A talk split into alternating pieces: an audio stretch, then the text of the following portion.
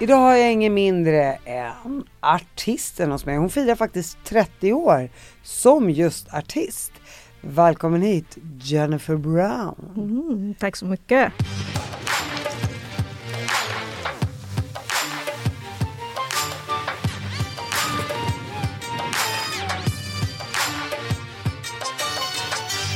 Det låter väldigt coolt tycker jag. Jag vill också heta Jennifer Brown.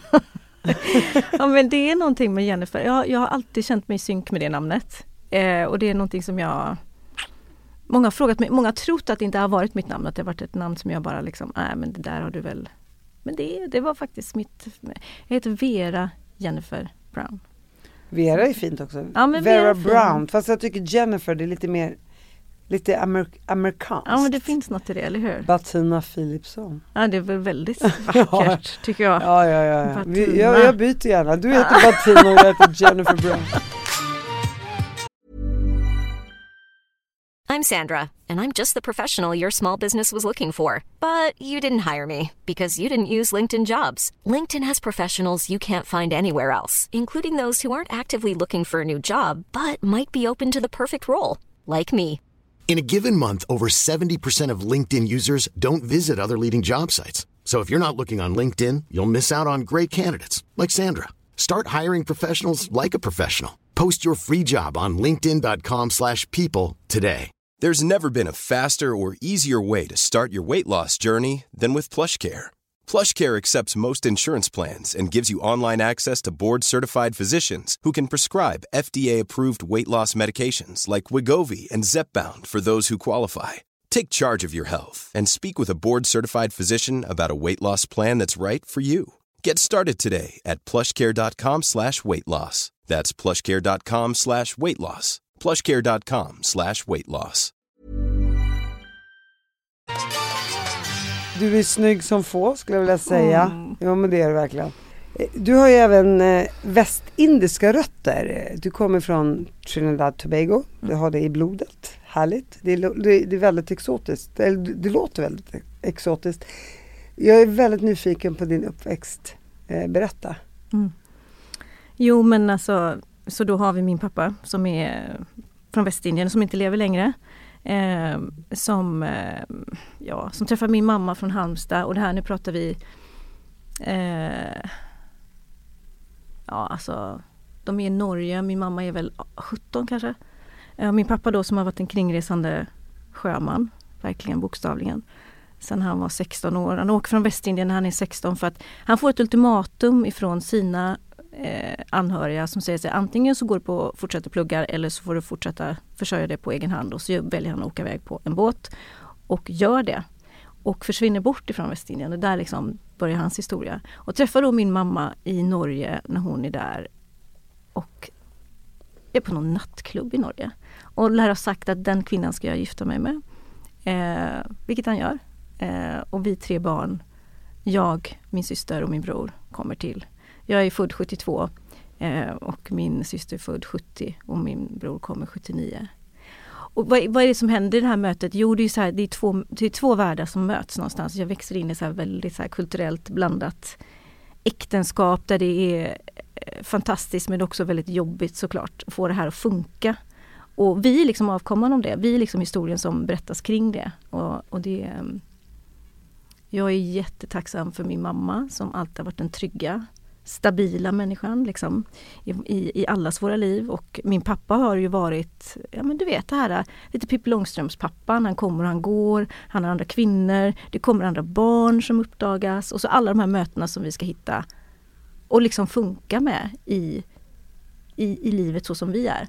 Det har ju gjort så himla mycket med mig såklart som artist och människa och um, ja, det finns hur mycket som helst man kan säga om det. Har din pappa syskon? Min pappa uh, har syskon, han har fem syskon. Han är yngst där, eller var yngst och enda sonen.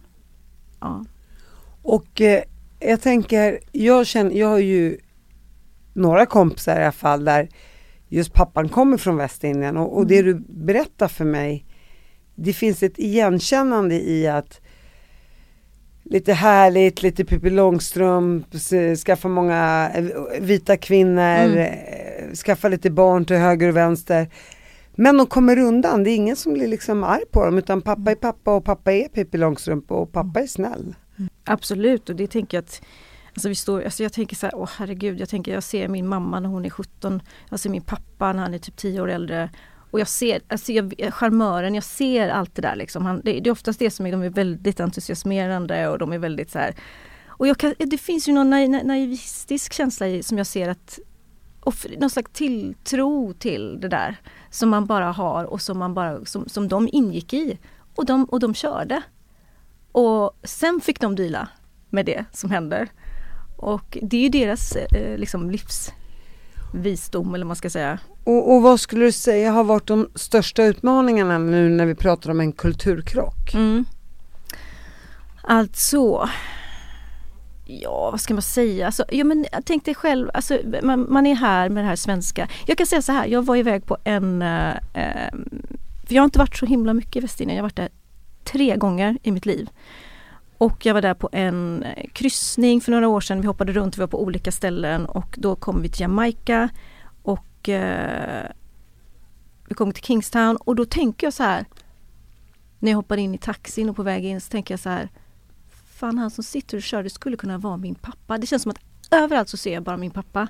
Jag känner känslan av att någon, något etniskt i mig vill komma liksom e-, eller finns där men inte, det, det, är inte tydliggjort för mig för jag har växt upp i Sverige. Eh, och jag känner mig lite så rörd och jag känner mig, jag får, jag får väldigt mycket blandade känslor till den, till den bilden. Eh, det jag önskar självklart att det hade funnits mer av det. För att min pappa nämligen hör till historien att han han lite försakade sitt hemland i 20 års tid och åkte själv aldrig tillbaka så han uppmuntrade inte riktigt det arvet för oss. Så det är någonting som jag har kvar att upptäcka själv liksom nu på något sätt. För min pappa lever ju inte längre. Eh, så att jag tycker att det är eh, jag tycker att det är lite, jag kan känna så här också att när jag träffar människor som också kommer härifrån till exempel. Eh, man tänker på olika eh, Ja men du vet, eh, ja, ja, det finns ju inte så många västindiska liksom, barn eller avkommor i Sverige kanske men de som finns och när man möter dem så finns det alltid, jag brukar kalla det för det finns någon slags västindisk värme. Det finns någon, det finns någon värme som infinner sig som jag bara i mitt DNA vill ha. Jag går igång på det. Jag har inte tänkt på det förut för det, att, det, att det kan identifieras så men det finns någonting där med inheritage, alltså som gör att man faktiskt, ah, jag känner det på riktigt. När jag träffar människor som kommer ifrån, ja, Västindien. Så att det, det, och det är någonting jag inte har, har tänkt på tidigare men som jag anammar mycket nu. Ehm. Men så är det väl också när man växer upp vill man, vill man ju vara som alla andra. När man, ja. när man blir äldre söker man sin identitet. Exakt. Alltså det finns ju något i det där. Ja. Kände du av rasismen under skolåren? Och det finns ju så många lager där mm. bakom också som är, jag tänker att så här, jag tyckte för mig hade det varit skönt att förstå vad som är vad också. Så här, jag, jag är så lite nördig när det kommer till det att liksom förstå mig själv emotionellt för jag har behövt det. För jag har inte mått bra. Jag mådde, alltså man mår inte bra att, att liksom eh, det, det, det, eh, sången för mig har ju alltid varit min, min liksom så här känsla av att realisera mig själv och den jag är. Den är utifrån mig. Det är min gåva som jag har liksom närt från att jag var liten. Jag lärde mig det för att jag kände det var mitt behov att komma nära någonting som jag ingen kunde röra det. Ingen kunde röra den utan det var liksom min flykt på något sätt. Och den var så viktig och den kommer alltid att vara viktig och jag känner att i allt det där som händer runt omkring så kunde jag, det var också så skönt med pappa, han bejakade väldigt mycket det musikaliskt. Han var ju väldigt, han, han, det var ju han som satte på de här plattorna alla Motown-plattor som spelade. Om det hade varit något argument eller varit bråk så vad, och, kan man ju, kan, du kan ge det på att musiken kom på i efterhand. Bob Marley. På, ja Bob Marley men det kan också vara Motown som Let the music play och liksom du vet Diana mm. Ross och allt möjligt. Ja, jag, jag försökte sjunga, jag bara, var ah. tyst. Nej, men liksom, så det blev också så viktigt utlopp för, för alla i, i våran familj. Eh, jag knöt kontakt med en gammal barndomsvän som jag växte upp med, fyran, femman och sexan som heter Ann-Katrin. Och vi har inte setts, vi var bästisar på den tiden och vi lärde känna, fick kontakt igen för fyra år sedan. Och, och då så, då sa hon till mig, men, så att, men det, det, allt, Jenny, det var så, alltid när man kom hem till dig, det var ju sån, det var sån värme hemma hos er. Ni hade så här alltid god mat och det var alltid musik och jag bara men och så bara, men det är liksom intressant när man man kan sitta och säga att det finns, jag tänker alltid finns, vi pratat om det här, det är ganska mycket mörker vi pratar om nu. Nu pratar vi om ljuset i mörkret liksom. Och jag tänker att så ser livet alltid ut. Liksom. Man, man, man, är vad man är och man gör det bästa vad man, med vad man har fått, eller hur? Det gör vi ju alla liksom. Och eh, det, men det var ändå min grej som jag kunde ta och som jag tog vidare och som jag höll fast vid och som jag alltid har hållit fast vid. Och det har gett mig så oerhört mycket glädje och det har gett mig det gav ju mig en jättestor karriär och jag kunde göra det jag gjorde på grund av att jag visste att men det här var mitt. Det var min gåva. Jag kunde liksom Och när insåg du att det var din gåva? För jag trodde att jag kunde sjunga fram tills jag var 13 liksom. Tills jag insåg att jag inte kunde sjunga. jag bara, nej, gåvan var ingen gåva. jo det var det visst Nej, nej, nej, nej, jag sjunger jättefalskt, herregud. Ja, men, Okej, men då frågar jag dig så här, för det jag känner det som är viktigt, är det, vad, vad gav känslan dig? Kan du än känna det idag, den känslan? Nej men det är det här som är så hemskt, jag tycker det låter bra men det, sen de bara, men spela in din röst, jag bara, men gud det där är inte jag. det låter helt annorlunda när jag sjunger. In i ditt huvud Hur kan man vara så jävla tondöv? Jag fattar inte. Nej, inte, inte så här super, alltså, det finns ju de som är värre som jag hör men Nej det är jättetråkigt men när insåg du att du verkligen kunde sjunga? Var det att folk sa, gud Ja. vilken fantastisk röst du har? Ja men det var det. Det var faktiskt Ja. och jag hade bra lärare också. Men det var även den fyra, femman, sexan så hade vi en, en fantastisk lärare som heter Karin Wannebo som spelade jättemycket gitarr med oss och hon satte ihop egen föreställning och spelade, vi gjorde Askungen och, och skrev repliker och var väldigt ambitiös och vi gjorde allt det där och jag var ju Askungen. Och det var liksom ändå här känsla av att Nej men du, du, du, jag kan, det, känslan av att du kan det här. Du, du, du är duktig på det här. Du, åh, vad, liksom, det fanns någon slags, inte bara att jag stod och sjöng hemma själv och Det fanns en på- bekräftelse. Det fanns en bekräftelse i det. Självklart annars hade du liksom inte Och det hör man ju om någon sjunger riktigt, riktigt bra. Alltså så här, sätter man på Whitney Houston, det spelar ingen roll hur tondöv man är, man hör ju att hon sjunger bra. Ja men exakt, exakt. Och det var, Eller Jennifer Brown, men eller, ja, nej men Ja. alltså det, handlar- men det som är roligt är att potato patata. Precis. Potato potato. Och det, ja men det är det som jag älskar Bobby Brown, Jennifer Brown, Whitney Houston. same same but different. Ja. Ja. Nej men det är det och det är liksom det jag känner det som, som jag tyckte var kul även då jag kommer ihåg det jag gick på kommunal musikklass även den tiden också. Eh, och tog sånglektioner och då var det så här Jag gick ju igång på att jag tyckte om att det lät. Jag fick låta. Det var någonting med resonansen i att Och jag tänker, du sa så här Hur kan man vara så tondöv? Men det handlar jävligt mycket man kan ha en talang men vem som helst kan sjunga så länge du har liksom en villighet och du lägger ner tid och engagemang så det går liksom. Det går verkligen. Men det, det, det är den här villigheten att lägga tiden på det. Eh, Sen kan man gilla att stå på scenen och vara lite artistiskt lagd. Och du kan ha rösten och sjunga väldigt bra men du kan vara nollartist. Så att jag brukar säga det eh, till människor ibland, du kan komma undan med att vara artist ha lite sämre röst som du kan fixa till i studion. Men stå bara rakt upp och ner. Okej om du är Susan Boyle kanske. Men då ska rösten vara exceptionellt bra. Eller vad känner du? Jo, självklart. Men det är också så att det handlar ju bara om att liksom vara i sitt instrument. Jag, tänker på, jag ser mitt instrument eller min röst som ett instrument. Att det är liksom om jag, och det är som vilken annan så här, äh, gitarrist eller trummist, men de, inte, de, de spelar ju liksom för att hålla i allting flyt. Jag måste, jag behöver sjunga. Jag, kom, jag, har inte, jag kan inte ens och jag vill inte ens komma undan med att inte sjunga varje dag. Jag behöver sjunga för att när jag sjunger så är jag i en resonans med den jag är. Alltså det, det är så Det är freedom. det är freedom, det är verkligen freedom. Och jag får Det är som att om jag kanaliserar alla mina känslor ut i sången och jag, kan, och jag älskar det, alltså det är någonting, du vet man det, Tänk dig själv bara få liksom bara Och du kan göra det på ett sätt som Jag menar idag innan jag kom hit, jag, jag gör det, jag, jag brukar ha så här jag, jag, jag går upp, jag tränar lite kort, jag, jag tror på mikro liksom Eh, doseringsaktiviteter, liksom, aktiviteter. Man tränar kort och så sjunger jag liksom kanske en halvtimme, 20 minuter. Men, och då kan jag börja med det och så jag, då, jag, då, jag, då vet jag att jag är där liksom. Jag har satt min, min ribba. Och sen kan jag göra vad som helst den dagen. Men det, den, den tuningen för mig är jätteviktig. Jag vet att jag mår inte bra annars. Jag mår inte jag, jag, har inte, jag har inte mitt flow liksom om inte jag har det med mig. Nej men det är din medicin. Ja det är min medicin. Kalla det vad ja, du vill. Ja. Och det är fantastiskt för jag tror inte alla människor har just det. Nej.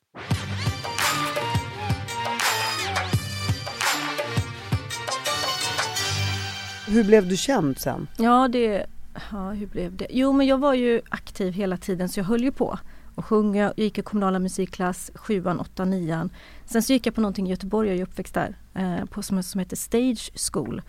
Och vi hade en föreställning på Liseberg när jag var 16. Och då var det ett, två killar som, som hade ett band som heter Miracle. Och de såg i alla fall mig och frågade mig, vill du vara med i vårt band? Liksom. Och då skulle de precis åka upp till Stockholm och träffa en kille i Stockholm på ett skivbolag som heter Anders Bagge. Så jag lärde känna Anders när jag var 16-17. Wow. Så att han sitter där som en ganska ung, vad ska jag säga, Einar. Vi kommer in och kommer liksom från Göteborg och bara åh, stora Stockholm liksom. Och Och Anders blir kär i dig. får du fråga Anders. Ja, men vad tror du? Nej men det var en väldigt fin eh, början på en vänskap liksom som vi fick där. Och sen så kom Peter Svartling in och skulle vara konsult senare. Och, så då lärde jag känna honom också. Och vi blev ju ett par. Det Men- hade jag ingen aning om. Ja, nej men vi var ett par. Hur länge då? Um, Ja, potato patata. hade tre Två skallar per, två skallar per. Nej men alltså, men vi, var, vi jobbade ihop eh, jättelänge men vi var tillsammans i ungefär fyra år. Och de är ju inte helt olika. Du Jo. tänker potato potato, tänker du på Anders och så tänker du på Peter eller? Ja, men då säger jag tomato tomato. Tomato, tomato. Nej, men lite så här stora, inget hår på skallen. Ja, Nej, men nej. Musik, mu, så här Jag musikproducenter. bara säger, då slash- hade de ju båda hår på skallen. Hade de det? Ja, Ja, ja, nej, faktiskt, okej, det är inte så jag kommer ihåg dem. Nej. Men eh, tänk, båda har ju suttit i Idoljuryn. Ja, sant. Du borde ha suttit där mitt emellan då. Ja, det kunde Att jag. de inte har frågat dig än. Ja, det har de inte gjort. Det är konstigt Ja, faktiskt. ja. Det, du skulle ju sitta fint där tror jag. Ja, det ska sitta fint där. Och eh, okej, så du, Mm. hur länge är du ihop med Peter Svartling då? Vi är tillsammans i ja, men fy, fyra år ungefär. Men, men det är inte honom du har barn med? Nej, det är inte Nej. mina barn med. Nej. Nej, men det här var ju så, så, så här, jag flyttade till Stockholm när jag är 19 och jobbar på olika, du vet så här, jag serverar på, jag står i någon butik och jag och sen så till slut så känner jag så här Nej men jag pallar nog inte bo kvar i Stockholm för jag trivdes inte. Jag hade liksom ingen anknytning. Jag var tillsammans med Peter men jag kände mig liksom Jag kände inte att jag hade, jag hade liksom ingen så här Jag hade inga vänner, jag kunde inte anknyta till någonting. Det var lite svårt för mig att förhålla mig till Stockholm kontra Göteborg. Så, och, så, så um, en sommar åker jag ner Jobbar på färdtjänst i Göteborg tillsammans med min syster som jobbar där då.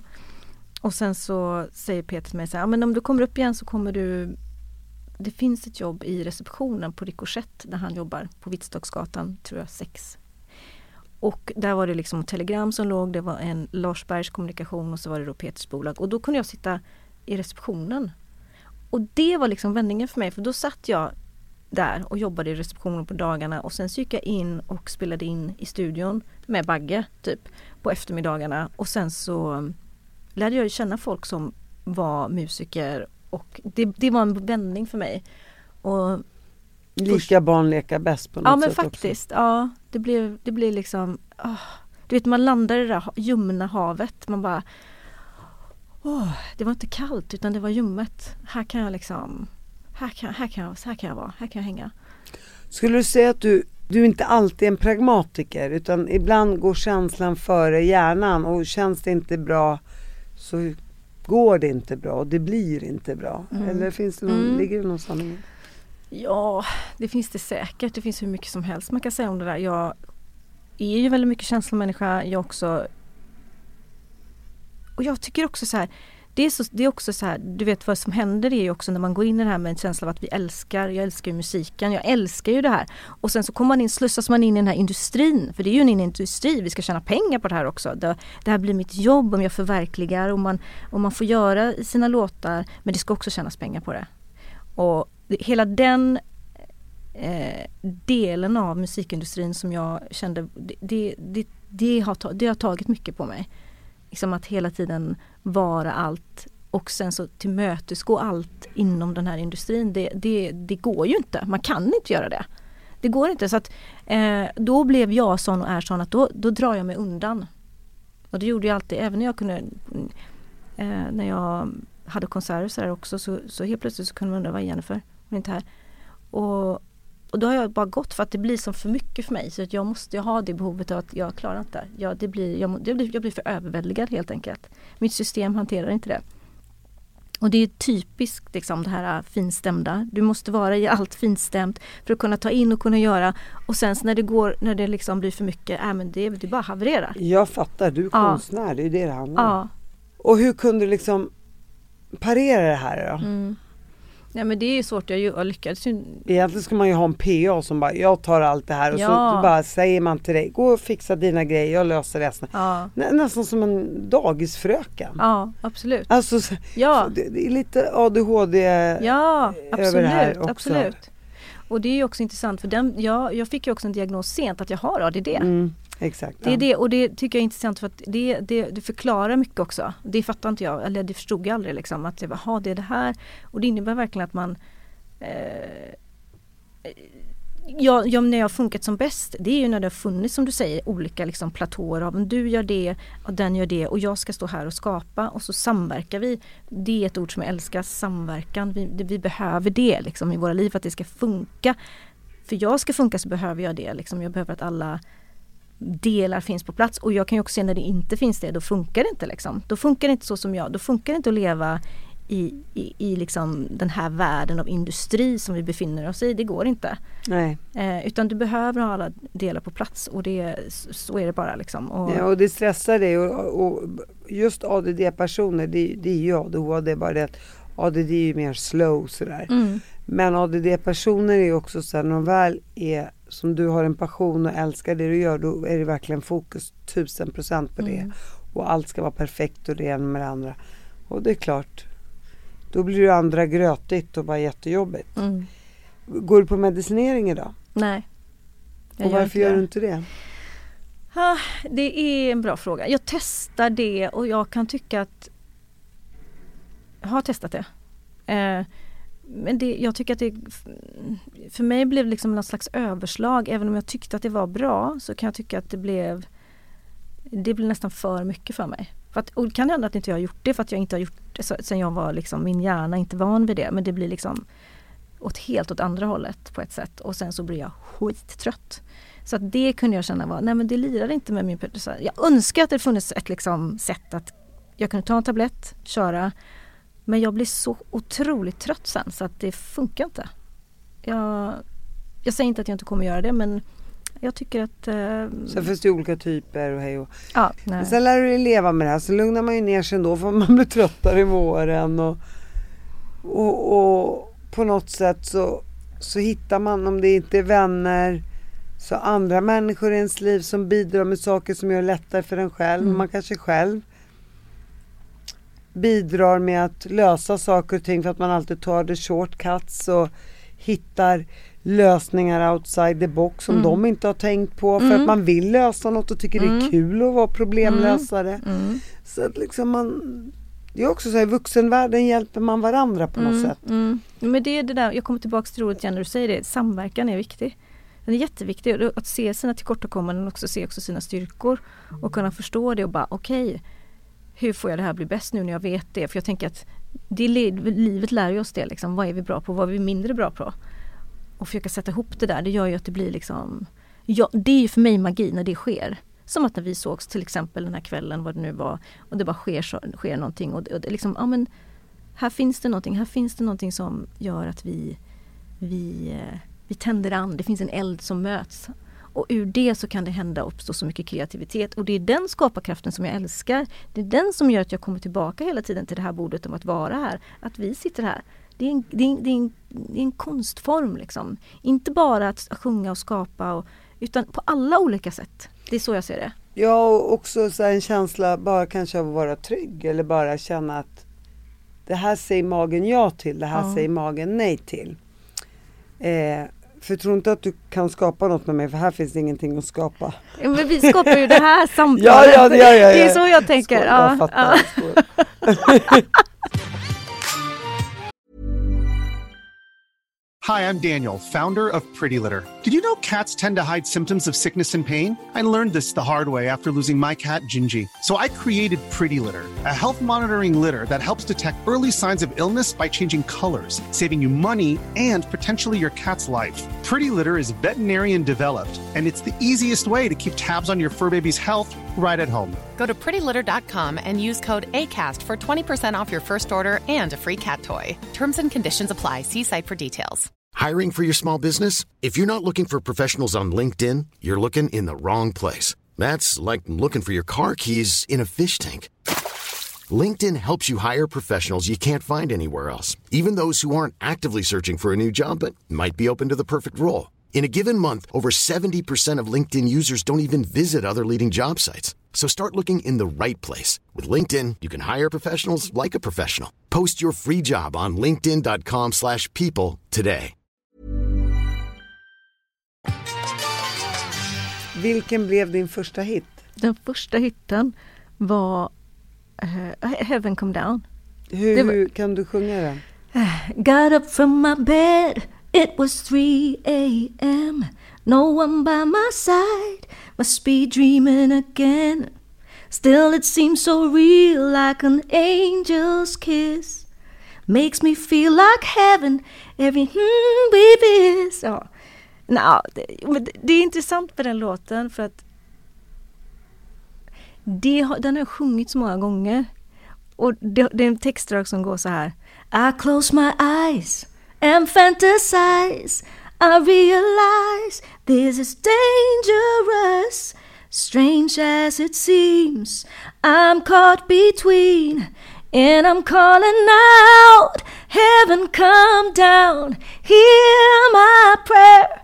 Send me down a love that won't disappear. Ja, okej, så vad vill jag säga med det? Är att, jo, att himlen kom ner, hör min bön. Um, det, det, den pratar om någonting det jag kan känna många gånger när jag, när jag liksom mitt liv så som det ser ut, att jag har bett, eller jag har sjungit den här låten så jävla många gånger. Så tänker jag så här, ja men himlen känns många gånger som att den har ramlat ner liksom. Och jag känner mig många gånger som att jag står in emellan eh, jag säger himmel och jord på något sätt. Men och att den här tiden som jag lever i nu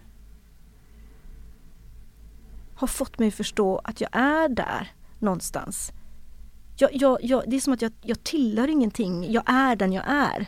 Och det finns någonting skönt, det finns någon slags, det låter väldigt kanske svårt att förstå men det är som att jag känner att eh, Du har landat. Ja, exakt. Och Det finns en, det är en ny era i mig som, som på något sätt är friare. Förstår du? Den är friare och jag kan gå igång på det. Att jag känner att jag inte måste vara i någon slags linjär form av vad du är eller så ska det vara eller så har det sett ut. Utan det finns fortfarande så jävla mycket potential som, som finns inom oss alla som vill komma ut och som, är, som vill manifesteras. Och det går jag igång på. För jag vet inte exakt vad det kommer se ut eller hur det kommer låta eller vad jag kommer göra med det. Men jag vet att det kommer ta form. Och det, det, är, det är den kreativa processen som jag älskar. Och sen var det Peter Svartling då och Bagge som Exakt, det var de som hade jobbat med album. Jag hade Mm. jobbat med dem i tre års tid. Så jag hade suttit i receptionen och så hade vi gått in och så här gjort fram och tillbaka. Och på den tiden var det så här. Jag skrev två låtar på den plattan. En tillsammans som var andra singeln som heter My Everything som är en stor så här, slagen ballad som är jättevacker. Lite så här. ja, sjöng den. så, ehm, you are my everything You are my dream come true Oh baby how I love you And you are my everything Whatever life may take us through I, I don't want to lose you Ja, så fint. så den är liksom en kärlekshyllning på något sätt. Och den där känns som att den hade kunnat toppat eh, Billboardlistan i USA typ. Ja, men många gånger ser det folk som även idag som är som är, var det du som gjorde den liksom? Det trodde vi inte. Men vi jag- trodde det var Prince typ. Ja men typ. Ja, Nej men alltså, och jag håller med dig, det var den, den, det känns som en sån här den är internationell. klassiker, internationell, ja. Men såldes den internationellt? Den såldes internationellt och jag åkte iväg på, jag åkte till Japan vilket många artister gjorde då, var i Asien, gjorde jättemycket promotion. Jag åkte runt i alla länder, Sydafrika, jag åkte runt i Nya Zeeland, jag åkte runt i Frankrike, i Spanien, alltså jag gjorde promotion i de flesta länder faktiskt. Och vad händer då när man börjar tjäna pengar? För helt plötsligt ja. så börjar ju du tjäna pengar som ja. väldigt ung. Ja. ja men alltså det var man ju, då har man ju en viss procent som artist. Eh, och man är, bol, de bolagen tjänade otroligt mycket pengar. De signade på sig ganska mycket akter, jag var en av dem. Och, och, och funka, den karusellen funkade bra för dem, det var, gav väldigt bra utdelning. Jag fick mina procent. Eh, Fick du inte pengar för att du ställde upp och hade konserter? Då, jo, eller? självklart man fick det. Jo, det är klart man fick. Ja. Jo, jo, jo, gud ja. Jag var ute och spelade och gjorde jättemycket grejer. Jag tänker, um... ja men kom hit och kör på den här festen så får du jag menar på den här tiden, man får inte glömma det heller. Det fanns ingen Spotify. Här tjänar man ju pengar på skivförsäljning ja. och CD-försäljningar ja. senare. Ja. Eh, så man laddar ju inte ner musiken. Nej, man, man var verkligen tvungen att gå iväg och köpa en, vadå, ja. sån här liten CD-skiva för ja. 150-200 spänn. Ja men precis. Det var ändå ganska dyrt för att vara 90-tal tänker jag. Eh, ja, det var väldigt eh, dyrt. Och, och, och, då fick du procent på alla CD-skivor du sålde då? Ja och, men precis. Och, och, och, när gick det som bäst då? Det var 98 när jag fick min Grammis. Det var min tredje platta som jag släppte och den hette Vera. Och den eh, jag blev nominerad faktiskt i fem klasser. Och jag fick då pris för bästa kvinnliga artist. Och eh, den var ju, det var Tuesday Afternoon som låg där på den plattan. Och vad, hur går den då? den var And this Tuesday afternoon Josie got caught in the mission room Where the men are crazy and the women are too Before you know it's Wednesday in the afternoon. Och, och vilka, var Peter Svartling och Anders Bagge med och, och, och, skrev det här också? Da, han var inte med, Peter var egentligen aldrig med och skrev, han var med exekutiv liksom, producent. Bagge var inte med då, då skrev jag med en amerikansk kille som heter Billy Mann. Så att man byter lite där ja, med år? byter lite och då var det slut med Svartling 98? Ja, det var det. Och eh, hur kändes det då? Ni var fortfarande vänner tänker ja, jag? Ja, vi var vänner och vi, vi jobbade ihop liksom. Vi hade ju massa saker som vi gjorde och det var väl det som också gjorde att det blev så mycket för oss. Det blev som melting pot, att vi gjorde allt. Det blev liksom som en tryckkokare. Så att det var, det, det var liksom, vi behövde separera det. Och du som ändå är lite, som man känner lite, även om du är på ett sätt öppen och bjuder mycket på dig själv så känns det också så här Nej nu räcker inte min energi till för det här. Då är det stopp och då kan du kanske markera det tydligt och du drar dig undan. Hur var det då att liksom vara artist och ah, Jennifer och mm. du vet, inte vet jag, tusentals människor och, mm. och, och, hela energin som man kanske älskar på ett sätt men sen, som, som du säger, sen töms påsen. Mm. Hur har du hanterat det genom åren? Jag, har, jag önskar att jag hade vetat att det var så att jag hade kanske då ADD men eh, jag bara, man funkar ju, man funkar, man bara gör vad man kan och sen så för mig var ju det jobbet när jag, det jag tyckte var jobbigast var ju, det var ju promotion att åka hela tiden och göra typ sådana här intervjuer. Man går från ena stället till det andra stället. Till ett nytt land, till en ny stad. Det, det, allting blir monotont även om jag kan sitta tillbaka på det och tycka fan vad underbart liksom. Men allting blir monotont om du kör på.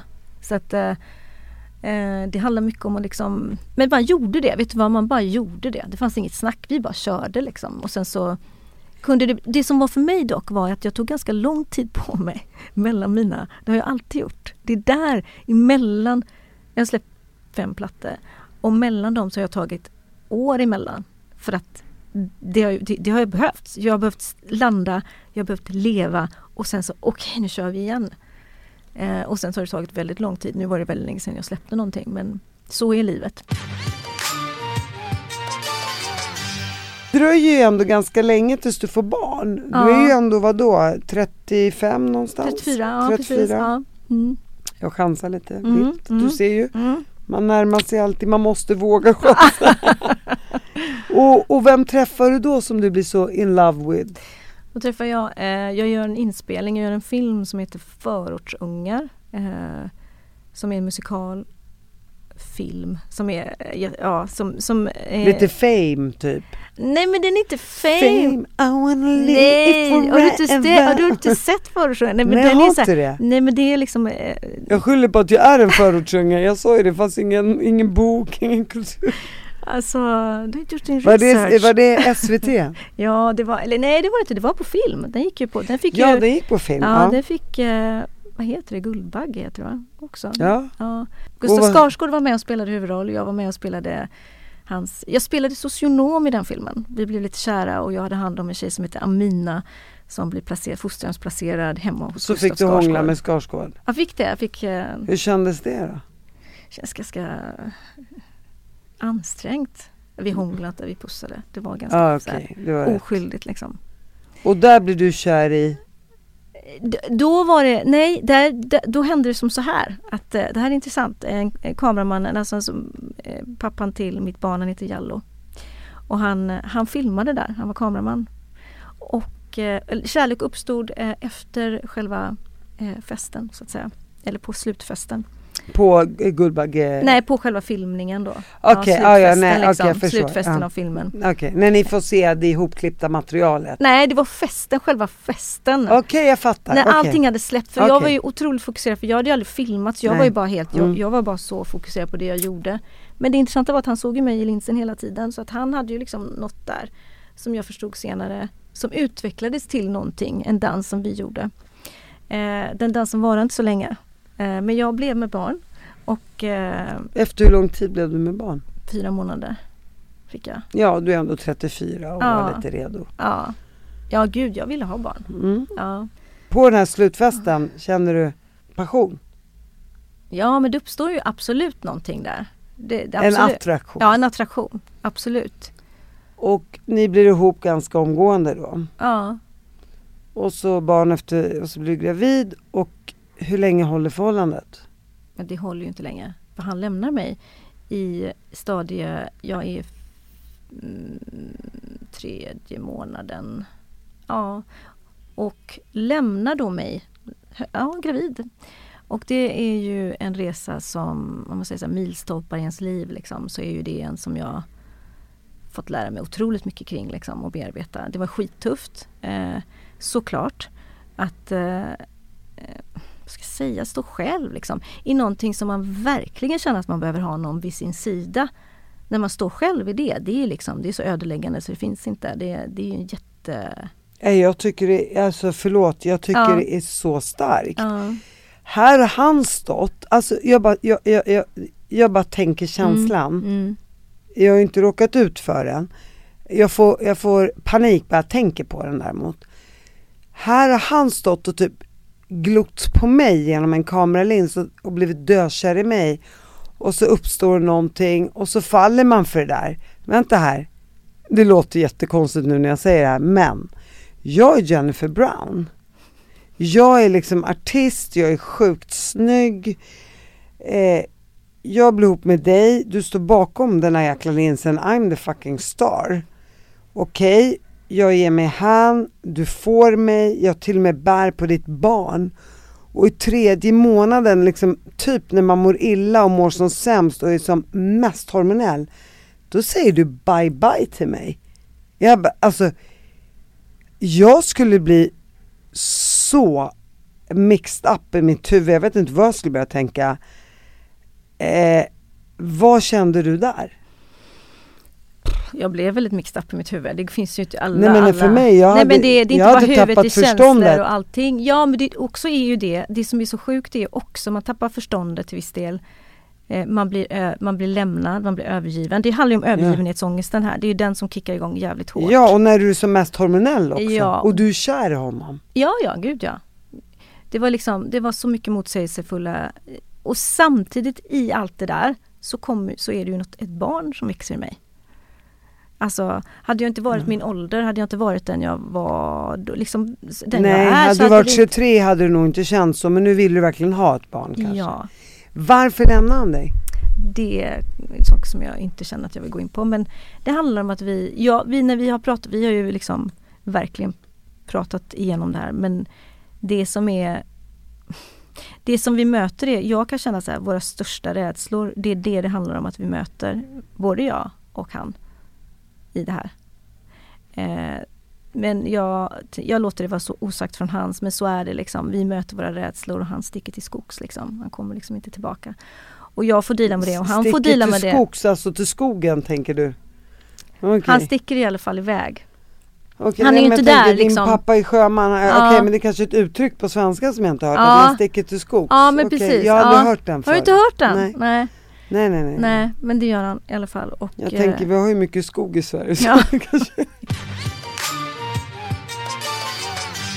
För vi träffades ju för drygt två veckor sedan mm. på Miri Dells, hon har ju skrivit en ny bok. Just det. Eh, konsten om att prata med händerna. Ja. Eller vad det var.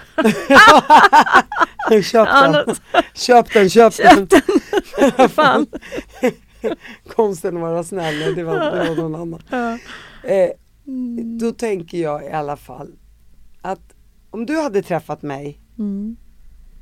för 10 år sedan eller 15 år sedan i samma skepnad. Hade du känt likadant i min fråga? Hur menar du att jag kände då som jag kände gentemot dig där då eller? Ja, om ja. du hade gått tillbaka 20 år i ja. tiden när, ja. du var, när du inte hade det du känner idag ja. Med vad som är rätt och fel. Mm. Eh, hade du dragits till mig då? Ja, jag du förstår du känner, jag, förstår frågan? Ja, jag tror det. Jag Ja. vet, jag, jag, jag, vad jag tänker är att kring det att jag Det var ju en sån här kväll som bara utvecklade sig till att bli att det kommer in människor som man egentligen inte som vi har aldrig träffat varandra och det var andra människor som eh, fanns med i bordet som man har träffat förut men ändå inte känner. Men det vi pratade om var ju väldigt det var ju ämnet vi pratade om som var så intressant och vi på något sätt eh, kunde ju inte gå. Vi blev ju utslängda från det här stället för att vi, vi ville fortsätta samtalet. Och där har jag nog alltid varit sån att jag tycker om, jag älskar det, jag dras till det liksom och jag kan inte säga vad det är. Men, eh, och och det handlar om att jag är en extrovert människa i vissa, i vissa lägen och så är jag inte det. Och jag, då när jag, men punktvis när jag är det, då, då, då bondar jag, då är jag där, jag är där liksom. För att jag går igång på det, jag, min själ går igång på det. Så det, när vi pratar så känner jag att di, din själ var väldigt närvarande där. Du var så i ditt samtal och, och det plockade ju fram någonting i mig. Såklart, jag tror att alla som satt där kände ju av det. Så det var ju en... Eh, För jag blir, jag blir så passionerad också Ja. när, när det är något som jag tror på och känner för. Men, men jag tänkte, frågan var också det att jag tänker så här, när man, när man har dålig självkänsla och dåligt självförtroende.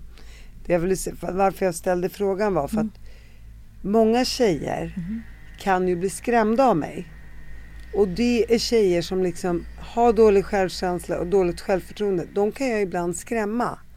Det var därför jag tänkte att när du landade i det här 20 Ah, år senare, att du har blivit starkare. Du, Mm. Och då, då, när man själv får den här känslan, Mm. Då kan man se tryggheten i mig. Mm. Och man kan se det starka i mig och man kan dras till mig. Mm. Men mår man dåligt Mm. och känner sig osäker Mm. och du vet, Mm. har mycket bagage, Mm. då blir jag lite av en så här, det blir too much. Mm. Man klarar inte av Mm. min energi, Mm. tänker jag. Mm, jag Det fattar var vad du därför jag ställde Ja men då frågan. förstår jag. Ja, nu var du väldigt tydlig Mm. med den frågan. Men, nej, men det tror jag Ändå kanske. Ja men jag tror, ja, jag tror det för jag tror det är mycket om ja, jag, tycker om styrka liksom. Jag kan se styrka, se potential och det är det jag bygger det på. Sen tycker jag också att jag kände något med dig som jag kände, jag någon slags förening om. Jag vet inte alls din uppväxtrelationer eller var du kommer ifrån men det fanns någonting med dig. Jag säger orten men det är någonting med, jag får en känsla av liksom någon slags systerlighet med dig. Det kan vara det som gör att jag känner bara att jag känner mig, jag vill vara, det, det, det är någonting som rör mig här liksom. Och det gillar jag. Det finns en slags eh, ehm, Men det är gjort den. Alltså så kan man ju säga så här också. Det är ju det här nio syskon, stor familj, Mm. Stor, eh, ja. det är liksom High Chaparral, mm, kulturkrockarna. Det, det finns ju likheter ändå olikheter. Mm. Vi var ju ändå med säkerligen konservativt uppfostrade. Mm. Du vet, det skulle inte gå sig för korta kläder. Vi var ju muslimer, vi var ju Mm. araber. Man bara hej Mm. ho, Mm. leave me alone, jag bor i Mm. Sverige liksom. Jag vet. Så att, eh, och, och jag var ju stark och kunde stå emot det där. Ja. Men det var ju en struggle i det också. Ja. Men det fanns ingen övergivenhet. Nej. För den investeringen av 20 år som jag sa till dig, det, det går inte att köpa någonstans. Mm. Och, det, och det är det där man ska ge barnen. Mm. Den där självkänslan, självförtroendet så här.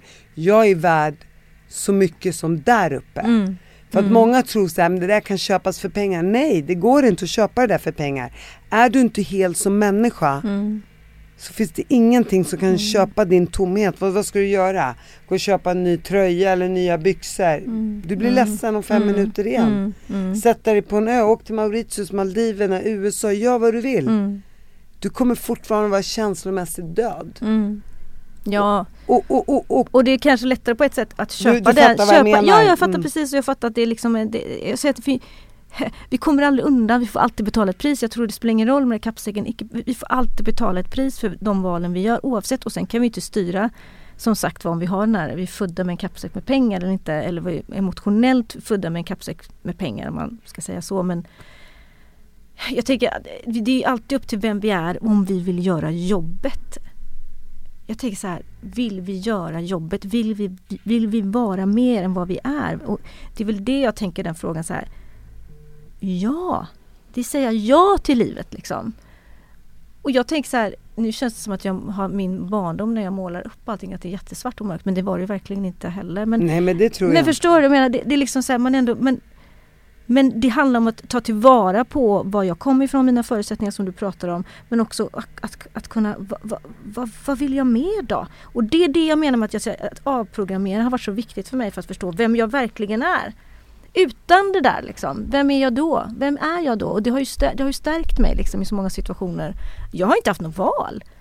Liksom, det är ju det jag menar i alla de här liksom Jag vet inte, jag hade nog tagit det där med att min pappa var knäpp som, ja. För att jag var så, Mm. också så här, du vet, vissa människor, jag vet inte hur du var men du fokuserar på musiken men att man är så här man lever sitt liv också Mm. som tonåring och man Mm. gör sina grejer och du Mm. vet, man brydde Mm. sig kanske inte så mycket heller. Nej men jag tror att man, jag var jättemycket, jag höll på skitmycket med musik, ja, teater. exakt, det är det jag menar. Man gjorde så mycket gymnastik, jag, jag, jag, jag höll mig busy liksom. Ja, jag ja. var väldigt det är kreativ. ju bra, det är bra. Ja. Du, nu, när du firar, nu när du firar 30 år som artist, Ja. vad kommer ut med ett nytt album, vad gör du? ja, nej men alltså Berätta. Ja men det är ju att hedra sin historia som vi pratar om. Att vad hedrar den man är liksom.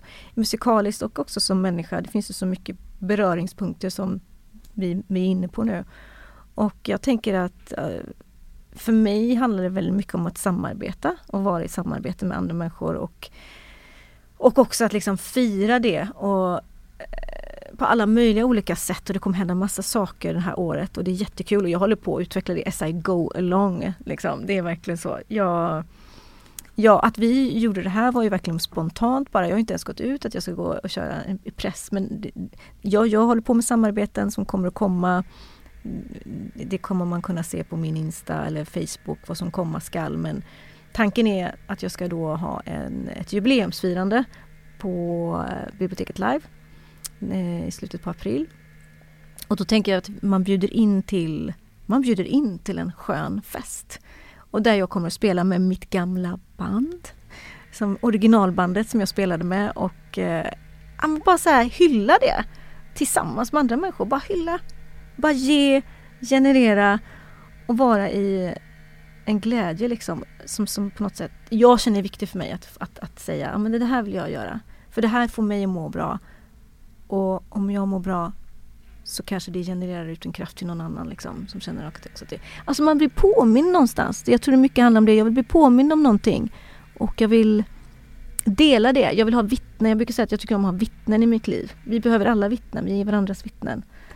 Och det, det finns så mycket människor jag möter. Alltid någon som har någon form av så här som jag pratade med ett tag. Så, ja, men jag kommer ihåg.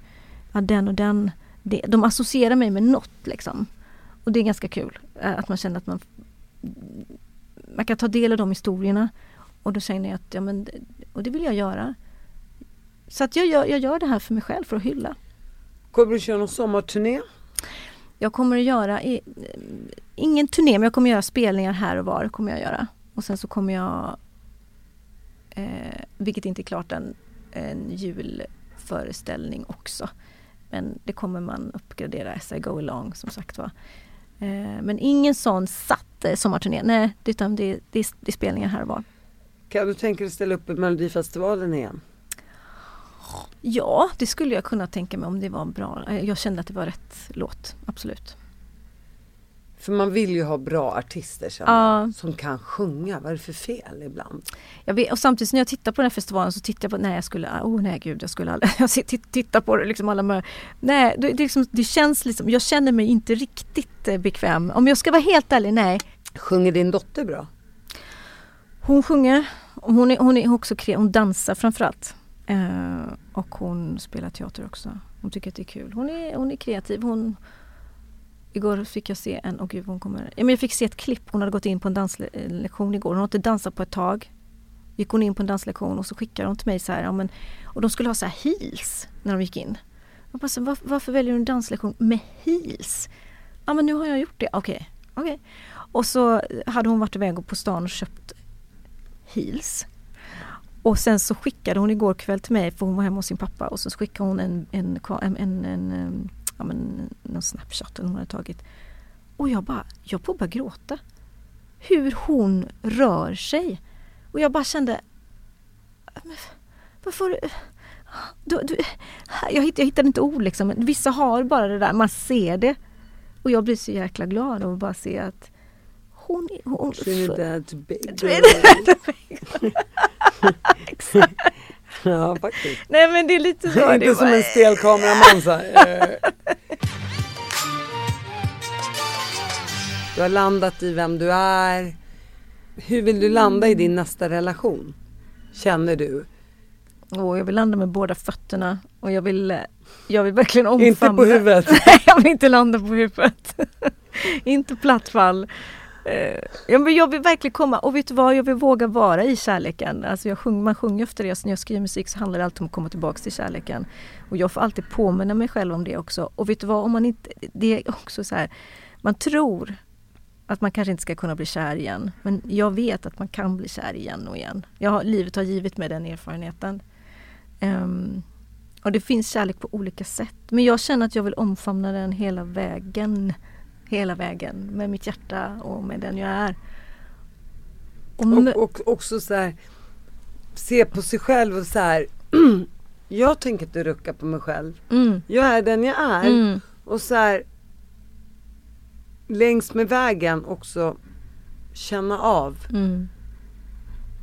Så att man inte kanske hamnar i det här gamla mönstret. För det kanske är lätt att bli medberoende eller vad det nu än är man blir i livet. Men att jag tänker att också höra va- varningssignalerna. Mm. App, app, app. Nej, Mm. det här är stopp. Mm, mm, Stopp min kropp. mm. Eh, och, och eh, tror du, vad, vad, hur ser du ditt liv om fem år? Kommer, kommer du vara gift?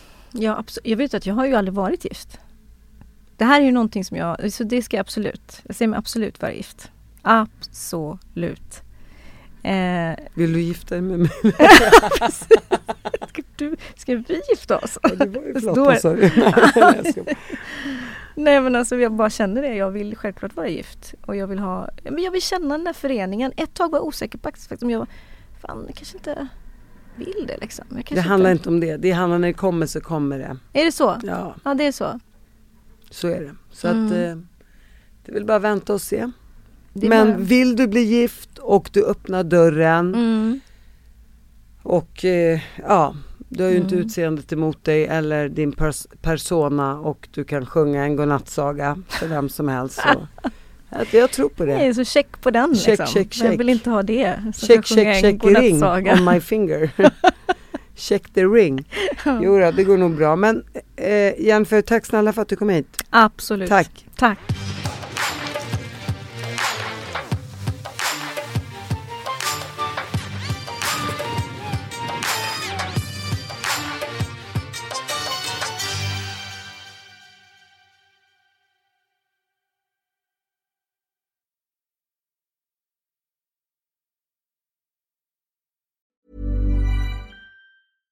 Even when we're on a budget, we still deserve nice things. Quince is a place to scoop up stunning high-end goods for 50 to 80% less than similar brands. They have buttery soft cashmere sweaters starting at $50, luxurious Italian leather bags, and so much more. Plus, Quince only works with factories that use safe, ethical, and responsible manufacturing. Get the high-end goods you'll love without the high price tag with Quince. Go to quince.com/style for free shipping and 365-day returns.